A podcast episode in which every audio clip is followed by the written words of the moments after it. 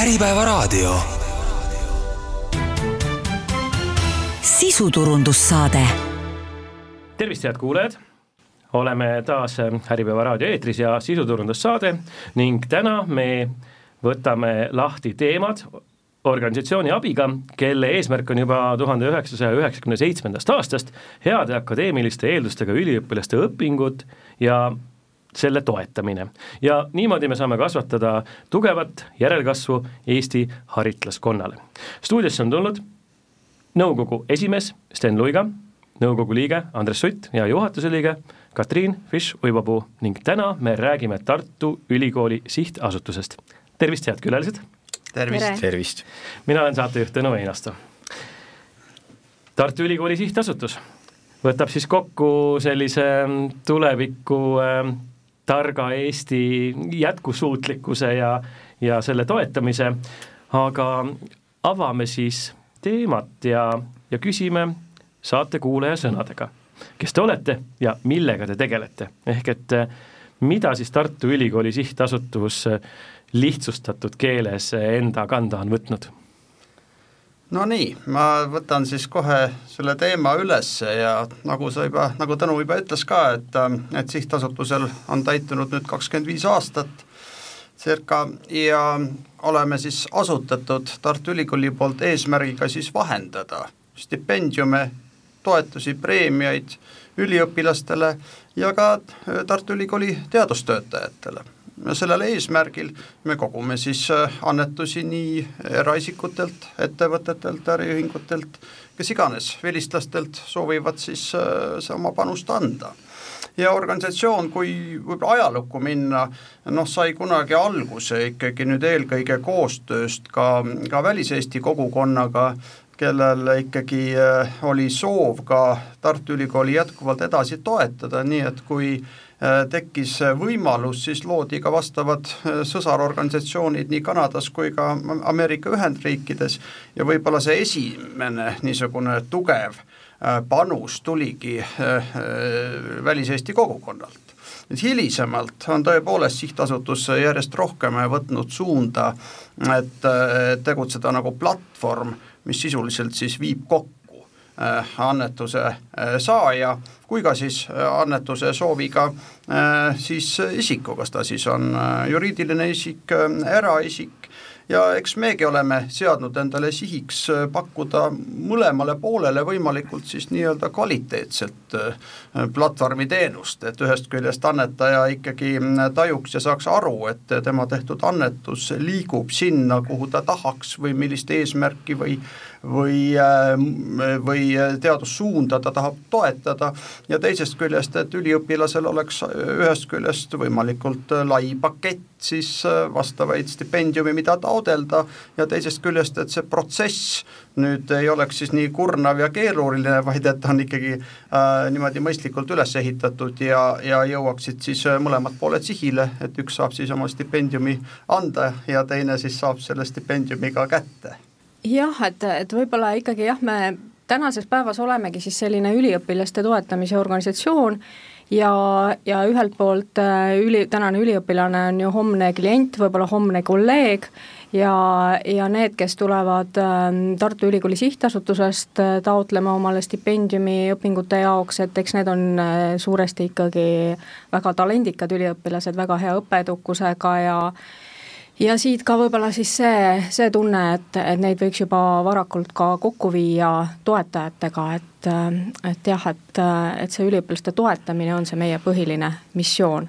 ja, ja, ja mida rohkem me saame siis neid toetajaid ja üliõpilasi kokku viia, seda parem muidugi ja noh, kindlasti meil on äh, hästi palju niisugust heategevuslikku äh, mõõdet selle äh, töö juures, et noh, nii nagu siin juba öeldi ka, et üliõpilastel on ju kindlasti võimalused, majanduslikud võimalused siis erinevad. Ja ma arvan, et ükski noor või võib-olla ka vanemas eas karjääripööret või, või haridust omandav inimene ei peaks sellelt teelt äh, siis äh, kõrvale jääma või, või seda teed liiga aeglaselt käima, sellepärast et tal pole finantsiliselt võimalik. nii et äh, kõik to-, toetused, stipendiumid, mida me omalt poolt annetajate abiga saame, saame anda nendele tublidele noortele talentidele, et, et see kindlasti aitab neid akadeemiliselt edasi ja, ja ma arvan, ka annetaja poole pealt vaadates, et noh, heategu on heategu, et sellest jääb soe tunne südamesse ja noh, võib-olla ettevõttest annetaja puhul kindlasti on see ettevõtte turunduslik külg, mis on oluline. et me oleme ühiskonnas kaasa aidanud hariduse omandamisel, et noh, haridus noh, nagu me ka iseenda ajaloost teame, on, on kõige olulisem vara, mis, mis ühel inimesel saab olla. ja, ja seeläbi, kui me saame kaasa, kaasa aidata ja kui ettevõtted saavad kaasa aidata, et, et siis me oleme üheskoos teinud Eesti paremaks, andnud inimestele, üliõpilastele rohkem võimalusi ja, ja ma noh, nii nagu Katriin ütles ka, et et ega ettevõtte puhul äh, on ülikool ju üks talendipank, äh, mida tuleb targalt kasutada. Te kirjeldate oma, oma tegevustena aga justkui äh, stipendiumifondide investeerimist ja investeeringuportfelli haldamist, mida see tähendab? Siin investeerimisest räägime siin igapäevaselt, aga võib-olla natukene teises kontekstis, et et kuidas siin seda, seda nagu mõtet laiendada, et, et see selgemaks saaks kuulajale? ma võin seda küll kommenteerida, et ähm, eks neid toetusfonde, mis on koolide juurde asutatud, on erinevaid ja noh, üks fondi liikidest või noh, toetusfondide liikidest on nii-öelda niisugune endowment tüüpi fond, kus kohas siis on annetatud ikkagi mingisugust vara ja seda eelkõige võib-olla noh, vanema generatsiooni poolt, kes tahab olla kindel, et, et kui ta nagu selle raha on kuhugi assigneerinud, et siis see raha seda eesmärki ka täidab, mitte et eh, ka, ka siis, kui tema siit ilmast lahkub, ehk need on nagu paljuski sellised pärandid mis, mis siis omakorda on äh, nii-öelda statuutide alusel, me nimetame statuutideks äh, võib-olla neid lepinguid või noh, neid eesmärgi kirjeldusi, miks üks või teine vara on siis sihtasutusele üle antud ja sihtasutus tõepoolest äh, püüab seda vara kasvatada ja, ja mõnede nii-öelda statuutidega kohe üks tingimus on, et, et stipendiume makstakse nii-öelda selle kasvikute või siis intresside või siis juurde tuleva osa arvelt. Nii et meil on tegelikult nagu stipendiumite allikateks on kahte liiki äh, noh, ütleme sellised, me võime neid liigitada kaheks, üks on nüüd see, mida sihtasutus maksab tõepoolest äh, sihtasutusele annetatud vara arvelt, mida ta siis investeerib ja meie nõukogu äh, on ka koostatud või, või pandud kokku ka sellise,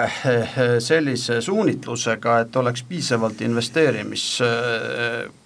ütleme, kogemusega inimesi, noh, paljuski on ettevõtjad, meie võib-olla ka ütlen ka ära, et kes meie nõukogu liikmed siis on, on ka Mart Mägi, on, on Hannes Vallikivi, Jaan Tallinn, Dmitri Jegorov, Aune Valk, kes on siis ülikooli ka prorektor, noh, Andres kes on ka stuudios täna siin, ja Vahur Kraft, et kõigil on tegelikult noh, kes ei ole just ülikooli poolt nimetatud, on ikkagi ettevõtlustaust. Ja see põhiline eesmärk ongi ikkagi kasvatada seda vara, mis on siis sihtasutusele üle antud. ja vara haldab meil professionaalne varahaldur, noh, aeg-ajalt me neid vahetame, kas ta siis on olnud äh, ka Swedbank, on LHV, kes siis äh, tegeleb selle igapäevase investeerimistegevusega ja teine osa siis stipendiume ongi, kus ettevõtted on võtnud endale siis kohustuse noh, kas siis kord aastas, mitu korda aastas, üks kord ühele üliõpilasele, mitmele, välja anda stipendium.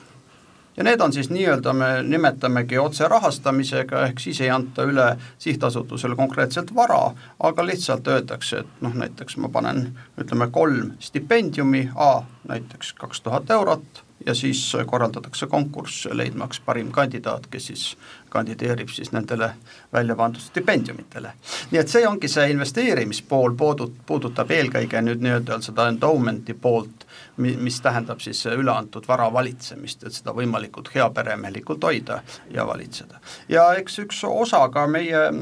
meie varadest on ka pärit ka omandireformi käigus tagastatud varast, kus kohas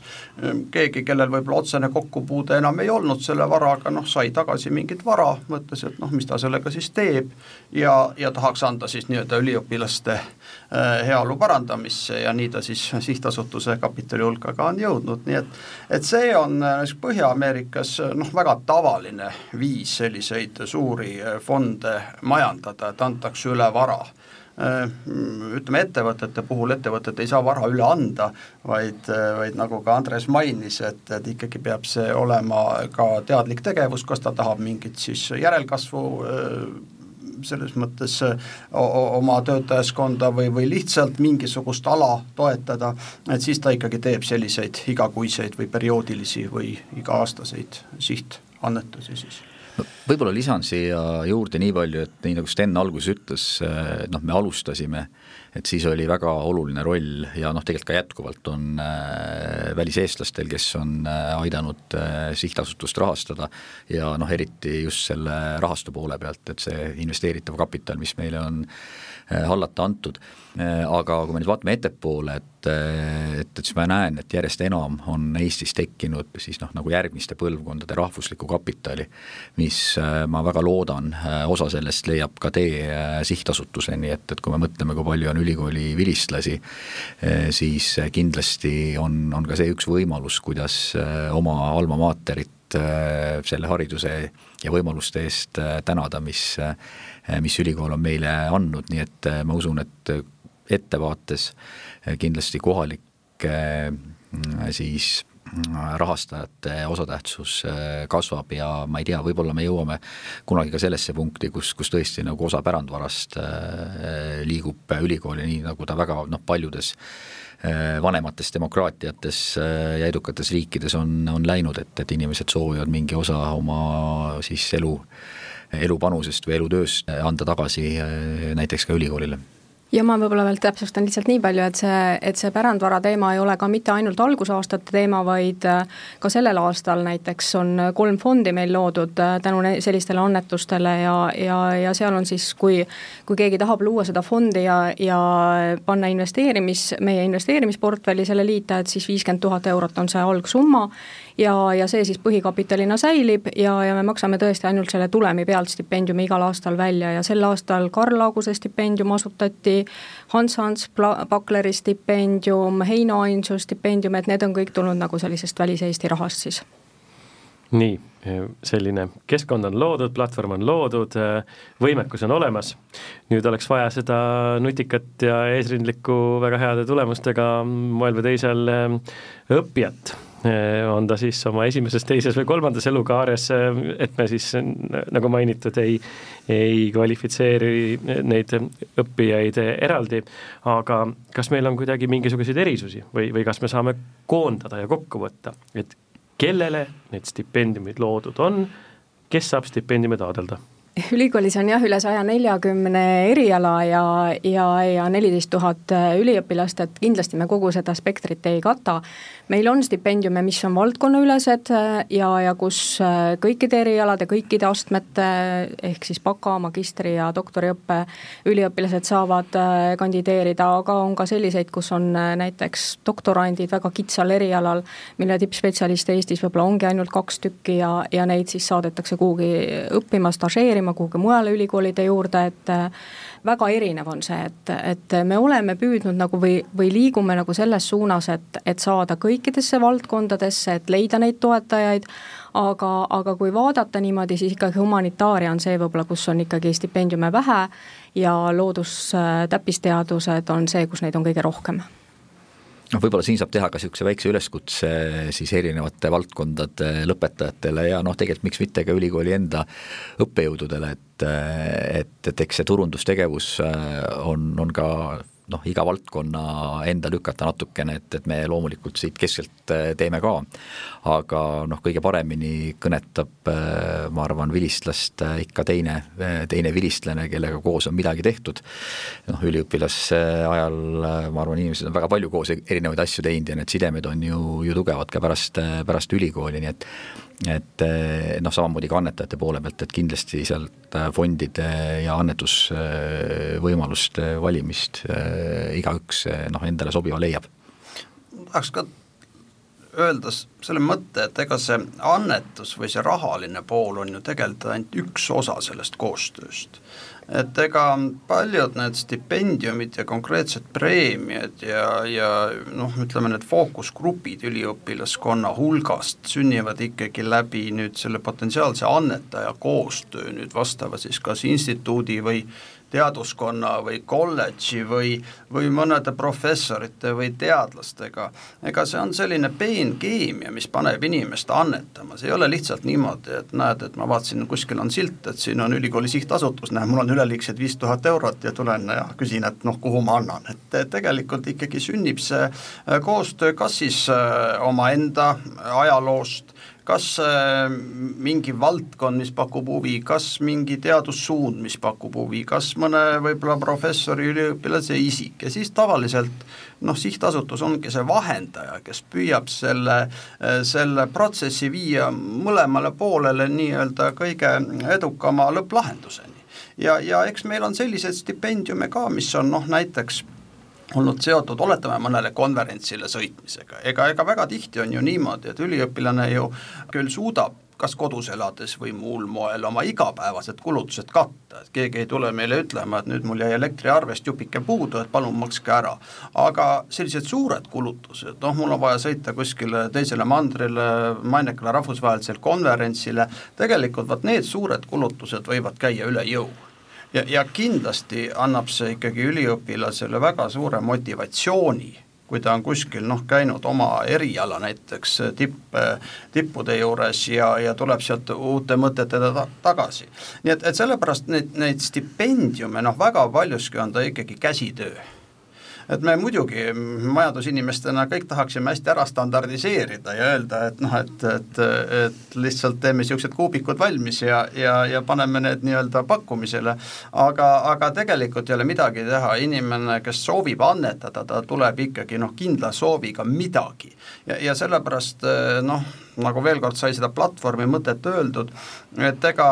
ega väga paljuski ka ütleme, see annetuste maht sõltub sellest, kuidas vastavad instituudid, teaduskonnad, kolledžid ise suudavad haarata kaasa ümbritsevat keskkonda ja oma tegevust nii-öelda ühiskonnale noh, ma ei ütleks, kas reklaamida, aga, aga ka teadvustada, et, et selline asi on olemas ja ka oma vajadusi defineerida. ega ka vajadused peavad olema defineeritud ega maailmas on alati väga palju raha ja on väga palju neid inimesi, kellel raha ei ole ja, ja nende kokkuviimine on selles mõttes peenkunst, et ta ikkagi palju sõltub oma vajaduste teadvustamisest, nende kommunikeerimisest ja teiselt poolt siis leidmaks kedagi, kes, kes tunneb huvi sama asja vastu nii et, et sellepärast jah, et see, see, see nagu ka Katriin ütles, et mõnes mõttes on tõesti ta täppis ja loodusteaduste poole kaldu, aga osaliselt noh, see väga paljuski ka on mõjutatud sellest aktiivsusest, mida võib-olla üks või teine instituut siis üles näitab ja siin on ka võib-olla kohane siis äh, üli, üliõpilasi julgustada, et, et kui keegi äh, mõtleb, et ei tea, kas mul on mõtet kandideerida, sest äh, noh, võib-olla ma ühel või teisel põhjusel arvan, et ma ei kvalifitseeru. ma arvan, et neid hirme ei peaks olema, et kandideerida tasub igal juhul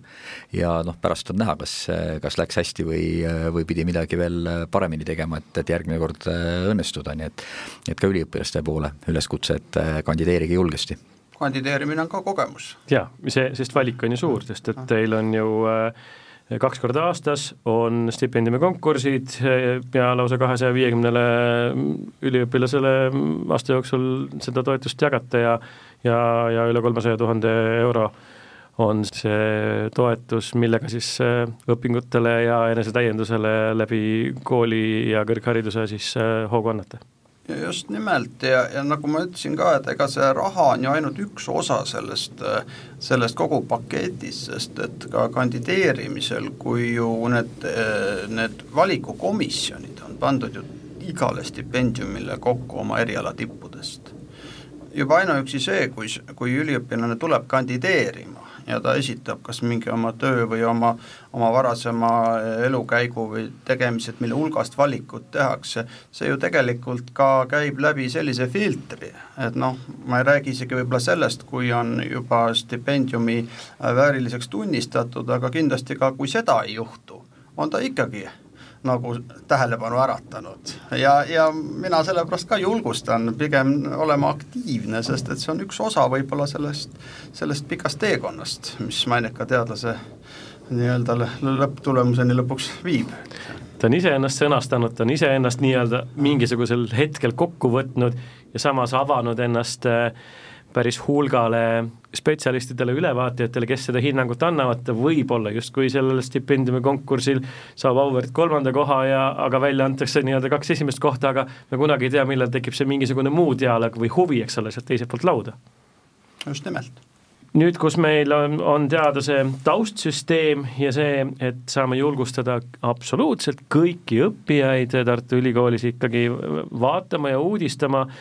sihtasutuse koduleheküljel, et missuguseid erinevaid äh, toetusi välja antakse ja kas nemad ühele või teisele äh, ka iseenda sisse vaadates äh,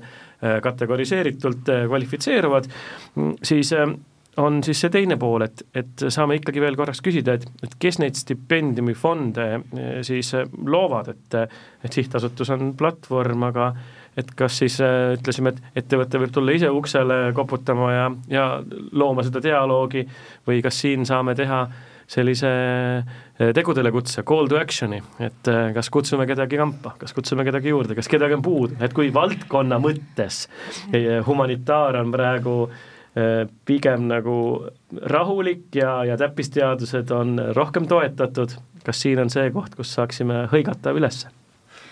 Jah, et, et igal juhul me ju võtame ise ettevõtjatega ühendust ja, ja küsime ja tutvustame kõiki neid võimalusi ja ja,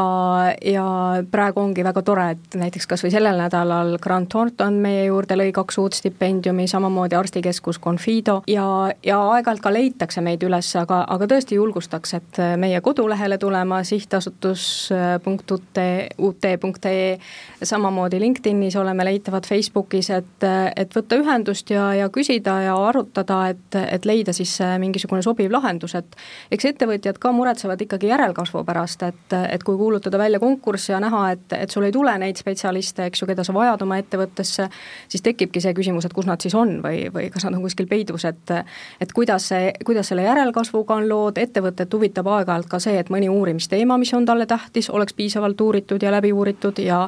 ja aeg-ajalt tahetakse praktikante oma ettevõttesse, jällegi üliõpilastele tore võimalus juba hakata tunnetama, mis see tema eriala, valitud eriala on ja, ja, ja kuhu ta tahaks siis täpsemalt võib-olla edaspidi spetsialiseeruda. Et, et kõik need võimalused nagu selles mõttes on olemas ja, ja et et tõesti julgustaks kõiki, et kellel vähegi mõte sinnapoole liigub, et aga et mind huvitab ka natuke, mis seal kõrghariduses toimub ja üliõpilaste olukord ja sellele kaasaaitamine, et siis äh, võiks meid üles otsida ja noh, strateegiliselt äh, on ju selge, et äh, konkurents talentide pärast äh, läheb ainult teravamaks, mitte ainult Eestis, vaid, vaid ka üle ilma. Ja mida paremat haridust me suudame siit pakkuda, mida rohkem me suudame oma inimesi Eestis hoida, noh, kas või läbi selle, et et lisaks heale haridusele on ka siin ägedad töökohad, et, et ma arvan, ka ettevõtte seisukoha pealt on see igatpidi nagu mõistlik tegevus, et tunda huvi otsida neid võimalusi, kuidas, kuidas nemad saavad kaasa aidata kõrghariduse kvaliteedi tõstmisele. Ja, ja noh, ka tegelikult seeläbi noh, mida tuntum on ülikool, mida rohkem tuleb siia ka rahvusvahelist tudengit, noh seda mitmekesisem on meie kohalik siis või meie ettevõtetele kättesaadav talendipank, nii et, et minu meelest siit on ainult kõigil võita, nii et omalt poolt ka äh, julgustan, et et eks meil need nimed on ju äh, kõik äh, leitavad ka kodulehelt, et kes on oma fondid või, või stipendiumid teinud ja noh, alati võib ju selle küsimuse enda käest siis küsida, aga oi, et, et miks minu ettevõtet seal ei ole. see kindlasti on üks osa ka sellest tööandja brändingust. Et ega kokkuvõttes sa puutud kokku nende inimestega, keda sa võib-olla potentsiaalselt näeksid oma, oma ettevõttes ja, ja see võimaldab ka seda ettevõtte tuntust tõsta selles mõttes, kuidas, tahtsingi just öelda, et ega kuidas satuvad äh, äriühingud ähm, Tartu Ülikooli Sihtasutuse juurde, eks neid viise on erinevaid, eks loomulikult on ka sellised ettevõtjad, kes tahaksid lihtsalt nagu äh,, nagu Andres ka ütles, et võib-olla anda ülikoolile midagi tagasi. ja ega sihtasutus saab ka siin abiks olla, et aidata võib-olla leida see õige äh, toetamise viis isegi, et, et äh, omades siiski nagu noh, teatud mõttes ka nagu niisugust part-, kapitaali mõju, et on võimalik ühte või teist instituuti või noh, rääkides ka ülikooli töötajatega, leida võib-olla see kõige õigem viis, kus kus see kasu oleks ka kõige suurem. ja noh, on üks veel selline näiteks stipendiumi liike, millest me ei ole nagu rääkinud, lisaks rahale on, on ikkagi see külalisprofessori instituut ja, ja see oli tõepoolest Välis-Eesti kogukonna poolt välja pandud selline stipendium, et noh, võimalikult siis nagu mainekas äh, mujal ennast tõestanud siis professor tuua lugema ja, ja see on ka selline huvitav nüanss, et, et see ei ole nüüd konkreetselt selline raha, et noh, võta raha, sõida kuskile kedagi kuulama, aga me toome hoopis äh, mingiks perioodiks siia tunnustatud oma ala professori, kes, kes loeb kõigile siin. see on nüüd kolmas professuur ja sel aastal on meil siis äh, majandusteaduskonnas Angela Anger-Kraavi ja ja Ajaloo Instituudi juures on Mart Kuldkepp siis äh, lugemas neid äh, aineid ja, ja et eks tulevad ka nende avalikud loengud, et siis on võimalik üldsusel ka sellest osa saada, et, et see on tõesti nagu see üks pool, see Välis-Eesti. tegelikult praegu on meie kodulehele ka just värskelt läks üles üks kampaania, kus siis äh, ülikool on fondi asutaja, fondi nimeks on seitsme, seitsmenda samba fond ja selle siis nimepanija on toonane patroon, see loodi siis üheksakümne kaheksandal aastal, oli Lennart Meri, sihtasutuse patroon, ja, ja tema, tema sellesse fondi on siis praegu ka üleskutse, et kõik vilistlased, kes ei soovi luua oma võib-olla nimelist fondi, saaksid tulla meie kodulehele ja, ja annetada siis sellesse fondi ja see on selline valdkonnaülene stipendiumifond, kus tõesti kõigi valdkondade, kõigi erialade, kõigi õppeastmete üliõpilased saavad kandideerida. Need on tavaliselt väga suured konkursid ja, ja see algkapital on meil jällegi investeeritud, maksame siis sellest tulemist välja stipendiumeid, aga praegu just siis korjame sinna annetusi ja, ja kaheksateistkümnes mai on siis see vilistlaspäev Tartu Ülikoolis, kus, kus loodetavasti kõik vilistlased ka kokku saavad, aga et kuni selle ajani siis võiks ka seda, seda mõtet mõelda, et ehk on soovi sinna annetada. Ja lõpuks saame siis öelda, et see stipendiumifondi loomine ettevõttele, organisatsioonile selline turundusettevõtte brändingu, kuvandi eh, ja turundus- ja kommunikatsiooni selline kiirtee selle talendijahi väikene selline otselõige, et kui, kui tõesti ettevõtjad otsivad endale tublit järelkasvu ja, ja häid kolleege, et kuidas sa neid saad kõnetada, kui sa avaldad neile toetust ja, ja, ja annad neile hoogu, võib-olla leiad sealt äh, enne selle õige inimese, selle uue kolleegi, selle hea sõbra, kui, kui sel hetkel, kui, kui inimene on oma esimese, teise või, või ka kolmanda kõrgharidusastme läbinud ja, ja alles siis hakkab oma valikuid hoopiski ise tegema no ma olen päris kindel, et üliõpilane, kes saab stipendiumi ja ta näeb, et, et seda stipendiumit on äh, rahastanud või, või kaasrahastanud äh, konkreetne ettevõte, et tal jääb see meelde. ja, ja ma arvan, see on juba iseenesest äh, noh, üks samm sinna suunda, et, et sul võib-olla on talent, kelle sa saad omale meeskonda võtta jah, me oleme üldiselt küll püüdnud nagu vältida võib-olla nagu sellist otselingi loomist, et noh, et panen raha ja siis võtad mingi kohustuse. et ega see raha tegelikult on ikkagi vaba, aga see, et, et on võimalik ju kutsuda ka külla eh, ja, ja tutvustada oma ettevõtet ja kui see pakub huvi, siis see lihtsalt võim-, see on üks alus sideme loomiseks, see ei ole nagu niisugune konkreetne nüüd kohustus, aga, aga see kindlasti on nagu üks osa sellest koostööst, mida saab siis äh, vastava kas siis uurimisgrupi või kellegiga teha. et, äh, et ta peab olema loomulikult niisugune läbipaistev ja transparentne ja eetiline, aga kindlasti ta loob võimalused olla lähemal nii ülikoolile kui ka, kui ka siis vastavatele üliõpilastele. et ega väga raske on tegelikult võib-olla noh, toetada mingit sellist abstraktsiooni, et, et ega väga harva, noh, see on tõesti harva, kui tullakse lihtsalt, et ma tahan toetada Tartu Ülikooli, aga ma ei tea, mida ma tahan toetada, no seda juhtub ikkagi harva. tavaliselt Tartu Ülikool on väga suur ikkagi institutsioon ja ikkagi inimesed nagu haakuvad noh, mingi niisuguse väiksema üksusega sealt nii et selles suhtes äh, selle üksusega ka sidemete loomine on kindlasti ka äriettevõtetele huvipakkuv ja kasulik, aga miks mitte ka, ka lihtsalt eraisikutele, kellel on soojad ja nostalgilised mälestused mingi oma noorpõlve alavast, nii et äh. mainime korraks siis veel ära, et, et on võimalik äh, luua seda toetust juba olemasolevatesse fondidesse, omanimeline stipendiumifond, või siis toetada erinevaid kampaaniaid, mis on üles pandud, kuhu siis mingisugust kindlat summat mingisugusele kindlale äh, väiksemale fookusele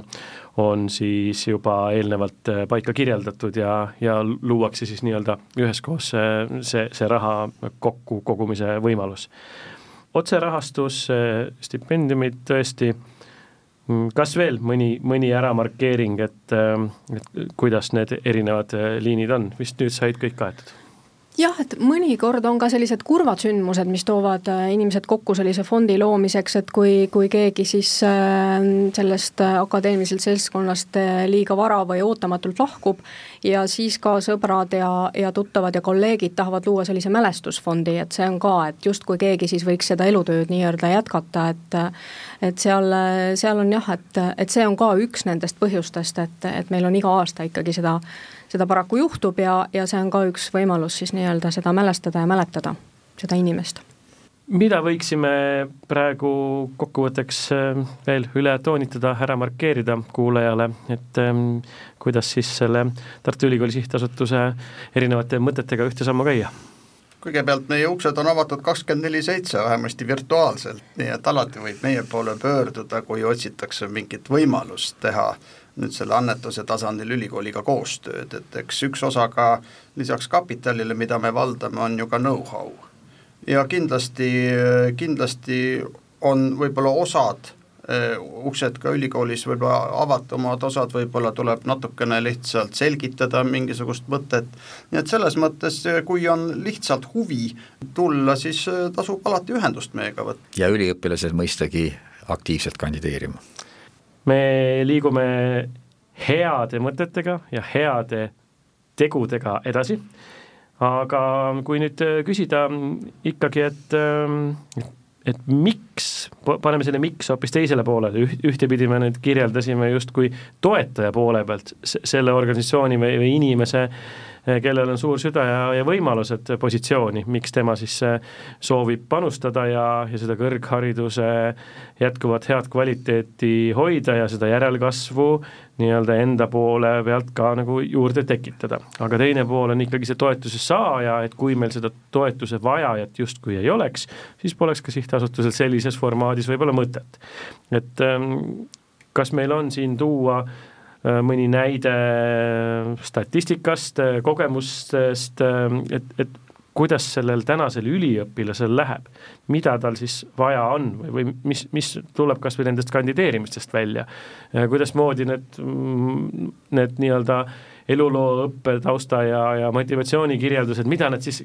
kirjeldavad meile, missugune see tänane õppija on no kui me võtame ka toetajatega ühendust, siis me alati räägime ka natukene sellest, et mis see üliõpilaste toimetulek täna on ja mis, mis, mis need suurimad probleemid on, me näeme seda ühelt poolt nendest samadest taotlustest, kui me neid äh, loeme, aga et, et ka selles mõttes äh, sellised uuringud, kas või Eurostudent uuring, mis siis Euroopas äh, viiakse läbi perioodiliselt, seal osaleb kolmkümmend erinevat riiki ja, ja viimati see Eestis siis viidi ka läbi kaks tuhat kakskümmend kaks aasta juunikuus ja sealt võib-olla siis tulid välja sellised ähm, noh, trendid, mida me mõnes mõttes ka teame, see trend on nüüd ka aastatega ikkagi süvenenud, et suurem osa, ütleme siis ligi seitsekümmend protsenti üliõpilastest töötab õpingute kõrvalt. ja kusjuures siis pea pooled nendest töötavad kakskümmend tundi nädalas, et nüüd peakski nagu küsima, et kas see kakskümmend tundi õpingute kõrvalt töötamine on siis äh, liiga palju, on see parasjagu ja, ja noh, pigem äh, selle uuringu põhjal jällegi väidetakse, et seda on ikkagi liiga palju, et see teeb siis neil kokku viiskümmend üheksa tundi nädalas nagu tööd, et kuskil on ka kõige võimekamate inimeste võimekuse piirid ja, ja see võib-olla ei ole see, äh, see trend, mida tahaks, et see nüüd süveneks ja, ja eks äh, üliõpilased töötavad tõesti äh, noh, eelkõige sellepärast, et, äh, et siis ikkagi majanduslikult toime tulla, et vanemate toetus reeglina on olemas, neil mingil määral on ju võimalik ka õppelaenu taotleda, aga et et ikkagi pigem on need majanduslikud põhjused, mitte niivõrd see, et nad tahaksid väga töökogemust saada. ja, ja kui nad tahavad töökogemust saada, siis stipendiumi taotlustes nad märgivad ka seda, et nad tahaksid pigem töökogemust saada ikkagi oma erialasel tööl, aga paraku töötavad mitte erialasel tööl. nii et, et see ei ole päris noh, see, mida, millest nad siis unistavad ja, ja võib-olla siis veel üks niisugune murettekitav joon sellest samast uuringust on see, et, et järjest rohkem üliõpilasi mainib neid vaimse tervise probleeme ja et kui aastal kaks tuhat kuus äh, märkis siis kolm protsenti üliõpilastest, et neil on vaimse tervise probleeme, siis aastaks kaks tuhat kakskümmend kaks on neid üliõpilasi juba kuusteist protsenti, et äh, ja, ja eelkõige seal tuuakse välja siis eks depressioon ja, ja ärevushäire esinemist, nii et et mingid seosed siin ju selgelt on ja, ja, ja see on ka see põhjus, miks me ütleme, et, et see et, et see stipendium ei too otseselt kedagi tööturult ära võib-olla, aga, aga see on ikkagi võimalus seda trendi natukene mingis suunas nihutada. Ja no eks siin on ju erinevad riiklikud vajaduspõhised stipendiumid ka, aga on selge, et riik igale poole eh, ei jõua ja ma arvan, et ei, ei saagi jõuda, et, et selles mõttes äh, ka mida noh, arenum ja, ja jõukam on ühiskond, et, et ma arvan, seda rohkem on selliste kolmanda sektori organisatsioonidel, nagu sihtasutus on äh,, oluline roll täita ja ja, ja just neid, kellel on need vajadused kõige suuremad äh,, toetada ja noh, ma arvan, ka üliõpilase poole, et ma arvan, see on ikkagi siiski motiveerib head akadeemilist sooritust, et, et, et ka see on oluline külg, et et, et sa ikkagi ka enda jaoks sead selle lati kõrgemale ja, ja, ja püüad, püüad saavutada paremat ja noh, nii nagu Katriin ütles, et, et ka kõige võimekamatel on võimekuse piir, et, et me ei peaks ka ühest noorest inimesest kohe kogu siis äh, vett välja pigistama, et, et, et ta ikkagi suudaks pühenduda äh, põhitegevusele, mis on, mis on õppimine, nii et, et selles mõttes need et see vajadus on, on reaalne, päriselt olemas. Ja, ja see, sellepärast me seda tööd ka teeme no vajadus on kindlasti olemas, kuigi ma saaks nagu, ei saaks öelda, et sihtasutusel meil täna oleks sellist võimekust nii-öelda noh, tagada töövaba elu üliõpilasele, et seda nüüd kindlasti mitte ja kui loomulikult keegi annetaja sooviks kellelegi tagada seda, siis selleks on ka alati võimalus. et üldjoontes võib-olla selliste vajadus, noh üliõpilased on ka väga erinevad ja, ja võib-olla selliste vajaduspõhiste stipendiumite osakaal ei ole täna ka võib-olla noh, selles mõttes valdav, et see, et see toimetulek oleks nagu mingisugune selline oluline kriteerium. et pigem on ta ikkagi see akadeemiline võimekus nüüd vastavalt sellel alal, et kuigi meil on vist küll selliseid ka toimetulekuga seotud jaa, et meil mõnel, et ongi, et on stipendiume, kus on see akadeemiline võimekus hästi oluline ja seal, kus pigem vaadatakse seda, seda majanduslikku toimetulekut ja see ei tähenda seda, et nad oleksid kuidagi summadena nüüd, et, et ühel juhul nii majandusliku toimetuleku puhul siis oleks stipendiumi summa kuidagi suurem või kui akadeemilise võimekuse puhul, mis oleks nagu siis rohkem lihtsalt preemia heade tulemuste eest. aga ma siin tooksin välja ka mm, Tartu Ülikooli Kliinikumi lastefondi, kes on päris mitmel erialal äh, Äh, siis äh, nii era, eripedagoogidele, logopeedidele kui füsioterapeutidele loonud stipendiumid ja ta igal aastal, tal on mitu stipendiaati kõigis nendes kolmel erialal ja, ja maksabki igakuiselt äh, suurusjärk kolmsada eurot ja üheksa kuud aastas, et, et et see on täiesti selline mm, ja, ja, ja tõstab igal aastal seda stipendiumi summat, et, et nad lihtsalt näevad, et selles valdkonnas nii logopeede, eripedagooge kui füsioterapeute, kes lastega võiksid tegeleda, on vähe ja, ja sellise missioonitundega nagu lähenevad asjale. no see on väga hea näide, see on väga hea näide, et kuidas tegelikult see annetus võib-olla noh, mina olen ka alati seda annetust võrrelnud natuke nagu sellise snaipri äh, sellise näitena toonud, toonud, et, et ega see annetust ei ole kunagi liiga palju, aga ta peab olema hästi sihitud. ja, ja siin kindlasti on keegi, kes võib-olla soovib ka mõnel laiemal erialal kedagi nagu nii-öelda suunata kitsamalt spetsialiseeruma, on alati võimalus loomulikult võtta endale noh, üks-kaks üliõpilast, aidata nendel see stuudium läbida ja loomulikult, kui nad on stuudiumi juba läbinud ja selle elukutse omandanud, siis ta on ka automaatne järelkasv, et ka ega ei pea alati seda võtma nii-öelda oma ettevõtte keskselt, aga lihtsalt kui on näha, et noh, nagu ka Katriin mainis, et, et kellelgi on, näeb selgelt, et logopeede on puudu ja soovib äh, ja, ja, ja neid jääb alati puudu, ega kui neid juba täna on puudu, siis ega neid järsku kuskilt palju võib-olla juurde ei tule, siis, äh, siis võimaldadagi kuskilt spetsialiseeruda kellelgi rohkem, nii et see on selline võib-olla niisugune täps-, täppistöö, et äh, mida annetusega saab teha, versus see, et sa lihtsalt annad kõigile võrdselt sada viiskümmend eurot näiteks. no just, ja, ja sealt noh, et see kõlab hästi kokku ka selle tööturu vajadustega, et, et, et noh, kas stipendium on üks siis võib-olla tööriist, millega saab saab ka seda inimese valikuid kallutada sinna suunda, et ta, et ta õpib seda eriala, mida meil kas täna või, või noh, nähtavas tulevikus tegelikult hädasti on vaja. Ja mingil, või ütleme siis erinevatel põhjustel Äh, ei ole seda kas avastatud või, või noh, on keegi, kes on huviline, aga ta jääb sellepärast äh, noh, selle valiku tegemisega, noh, jätab selle valiku tegemata, et tal puudub äh, puhtalt finantsiline võimekus. Tartu Ülikoolis õpib üle kolmeteist tuhande üliõpilase ja umbes viis protsenti neist saab siis erinevaid stipendiumite vahel sellest suurest potist nii-öelda toetust. kas see viis protsenti on vähe või palju, mis see mis sihtasutuse eh, kogemuste najal võiks öelda, mis, mis see nii-öelda toetuse maht võiks olla, kui paljusid eh, õppijaid, tudengeid teie sooviksite toetada, kas me saame üldse, saab siia mingit mõõdikut külge panna või, või, või kui, eh, mis protsent see peaks olema, et te saate öelda, et teie töö on hästi tehtud? ma, ma arvan, et see on, see, see on väga paljudest komponentidest koosneb tegelikult see annetustegevuse nii-öelda edu noh, me oleme ka, ka nüüd äh, isekeskis arutanud, et eks muidugi selline vilistlastöö äh, niisugusem noh, nagu nagu võimsam organiseeritus, kindlasti on üks selline loomulik kasvupind, kuskohast ka sihtasutusel oleks ka võimalik potentsiaalseid annetajaid ka juurde saada noh, täna võib-olla Tartu Ülikoolil ähm, puhul võiks ju öelda, et, et noh, näiteks kui, kui ka äh, oleks ka ellu kutsutud vilistlaskogu, kes oleks vist Tehnikaülikoolil on nagu vilistlaskogu, kes oleks võib-olla selline ka nii-öelda partner, tõ-, tõenäoliselt see võimaldaks nii-öelda seda tervikprotsenti võib-olla suurendada. aga ma arvan, et ikkagi väga suur osa sellest on nüüd selle ühiskonna enda ikkagi äh, ütleme, selle annetuskultuuri selline noh, pidev teadvustamine ja mõnes mõttes parandamine. et ega ka see, kuidas sihtasutus alguse sai, oli ikkagi ka tänu siis Põhja-Ameerika võib-olla sellisele äh,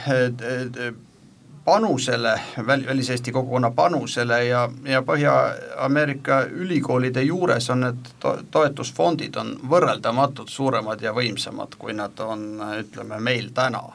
nii et ma arvan, et see on ka natukene selline üleüldine ühiskondlik areng ja mõtteviisi areng ja sellest lähtudes kindlasti kasvab ka see, ütleme, kogu annetuste maht mm. aga ta on jah, üsna paljudest sellistest nüanssidest koosnev ikkagi, et kindlasti sihtasutus ise saab ka öö, äh, oma nähtavust suurendada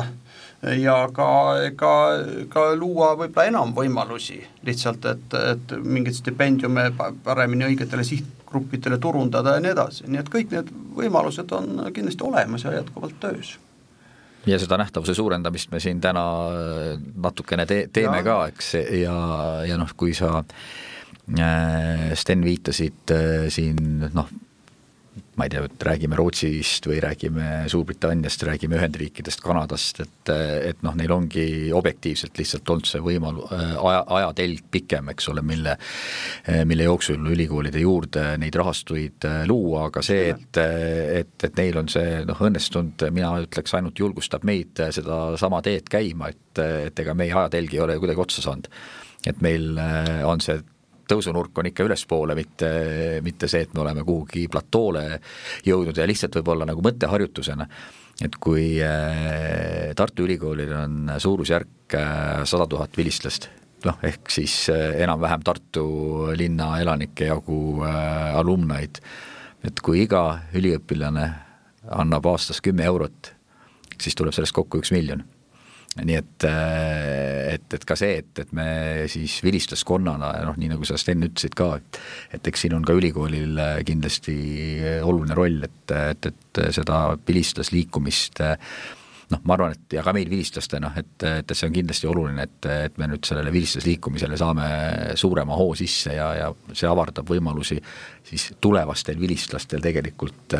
noh, saada seda abi, mida nad tegelikult vajavad tõesti, kui ma ettevõtjatega suhtlen ka, siis noh, paljud neist ütlevad, et noh, et vaatame siis, et jah, et kas see on koostöös või kooskõlas meie sotsiaalse vastutuse programmiga. et ettevõtetel üha enam on tegelikult ikkagi see, et mis see meie missioon on, lisaks sellele, et meil on siin mingid oma ärilised eesmärgid, aga mis eesmärgid veel seoses siis ühiskonnaga, et, et mida ja kuidas me tahame teha ja, ja tõesti, et üks asi on tõesti neid talente, lasta nendel nagu pühenduda ja teine pool oli siis, nagu me enne juba rääkisime, ka see majanduslik pool, et aidata nendel, kellel on tõsiselt raske, et, et nad ei katkestaks, sest see katkestamise protsent on ka küllaltki suur. et kui ma õigesti mäletan, siis Statistikaameti andmetel ka oli äh, kusagil üheksa tuhat üliõpilast igal aastal lõpetab kõikide kõrgkoolide peale kokku siis ja, ja seitse tuhat oli siis neid äh, katkestajaid võib-olla see oli ka tegelikult äh, ainult ühe ülikooli näitel, ma praegu natuke selle statistika osas äh, ei mäleta nii täpselt, aga et lihtsalt see proportsioon nende lõpetajate ja, ja katkestajate, et mitte seda, et nüüd peaks kindlasti käima lõpuni selle konkreetse eriala, mis sa oled valinud ja sa tahad eriala vahetada või jõudnud äratundmiseni, et, et sa tahad hoopis midagi muud õppida, siis jah, see on ka üks katkestamise põhjus, aga et katkestamise põhjus ei oleks nagu need majanduslikud põhjused, et, et siis see on nagu ressurss, riik on seda pannud ju ja, ja me tahame neid saada, neid spetsialiste ja siis nad lihtsalt ei jõua tööturule selle eriala raames. Aga ma isegi nagu võib-olla ei, ei nagu ei ütleks, et noh, igasugune töötamine on nüüd see, mis tegelikult on nagu kuidagi üliõpilast kahjustav, et noh, paljud ettevõtted ju kui nad võimaldavad piisavalt paindlikku töötingimusi ja erialasel tööl, siis eks seegi ole üks toetamise vorm ju ja, ja kindlasti käib seal ikkagi ka kogemuste omandamine ja ma, ma usun, et, et tõenäoliselt on see iga case ikkagi nagu eraldivõetav äh, ja, ja tõepoolest, kui keegi nüüd nagu sooviks äh, mingile erialale, kust on näha, et seda järelkasvu ikkagi ei tule, noh konkreetse stipendiumi välja panna, siis et võimalik, et ka see noh, ütleme nii, toimetulek on üks asi, mis motiveerib siis tõepoolest inimesi liikuma nagu äh, sellele konkreetsele erialale, mida siis toetada soovitakse, nii et, nii et kindlasti on see, on see võimalus. ühe nüansi lisan juurde veel siia, aga olulise nüansi, et, et kuna sihtasutus on ka maksusoodustustega siis mittetulundusühingute nimekirjas, siis kõik annetused, mis teeb eraisik, saab ta oma maksustatavast tulust äh, piirmäärade ulatuses maha arvata. Ja, ja sama kehtib tegelikult ka ettevõtete puhul, nii et, et ka see on üks oluline äh, nüanss, äh, miks kasutada meie platvormi selleks, et toetada noorte ja karjääripööret äh, või akadeemilist karjääri äh, teostavate talentide arengut. vabatahtlike roll Tartu Ülikooli sihtasutuses, kuidas sellega on, et kui võib-olla täna kuulaja ei ole soovi ka finantsiliselt toetada, kas ta saab kuidagimoodi muul viisil äh, sihtasutuse meeskonnasse äh, oma panuse anda oma oskuste ja kogemustega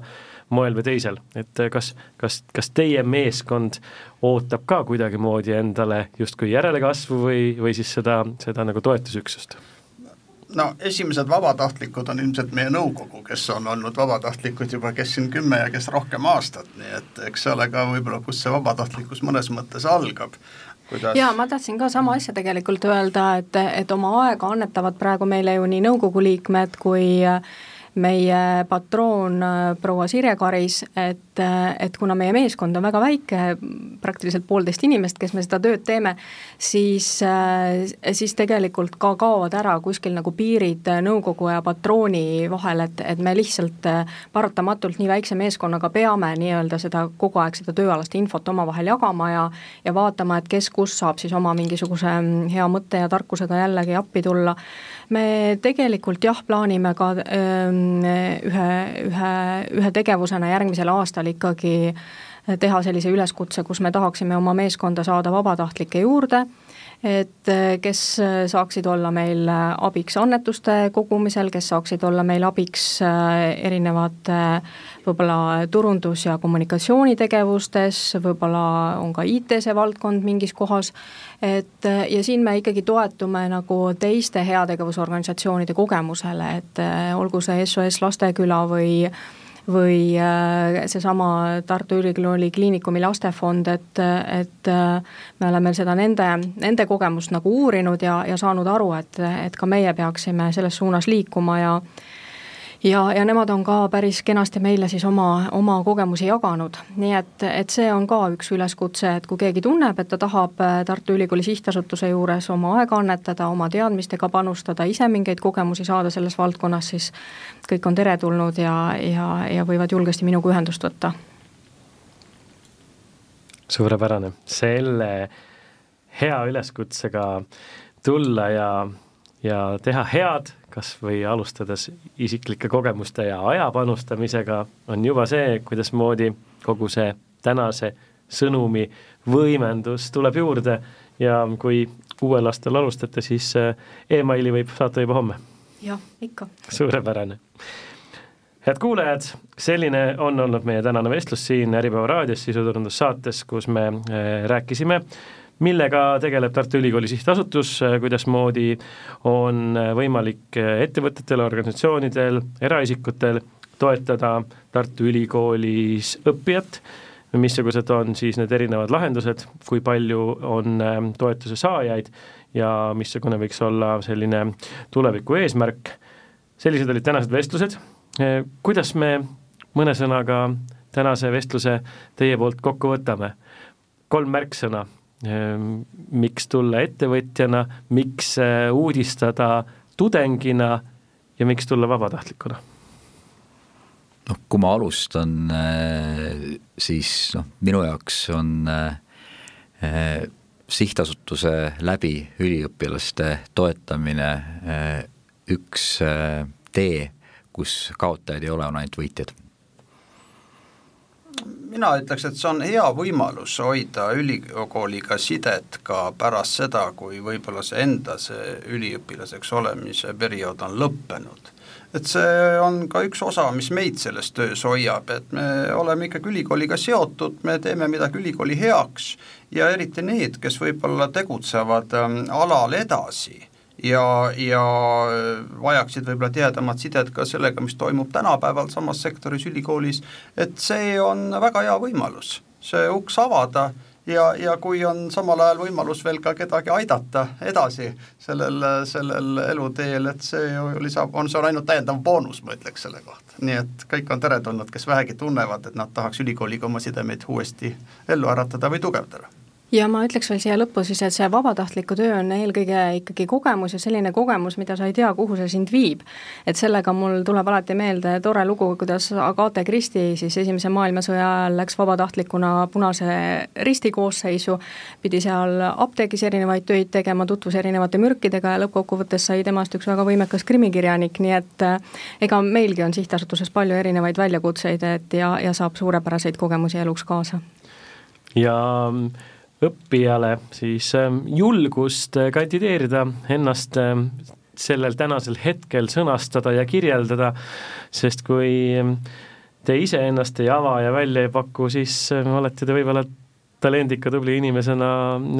jõude, äkki kellelgi on teid vaja ja teil on kedagi vaja, nii et see kokkupuutepunkt ja see kena sild saab see läbi, läbi sihtasutuse tegevusega kindlasti loodud aitäh stuudiosse tulemast, nõukogu esimees Sten Luiga, nõukogu liige Andres Sutt ja juhatuse liige Katriin Fišoibovu. selline on olnud tänane vestlus Tartu Ülikooli Sihtasutuse teemadel. Te kuulasite Äripäeva raadiot, mina olen saatejuht Tõnu Einasto ja soovime teile kena päeva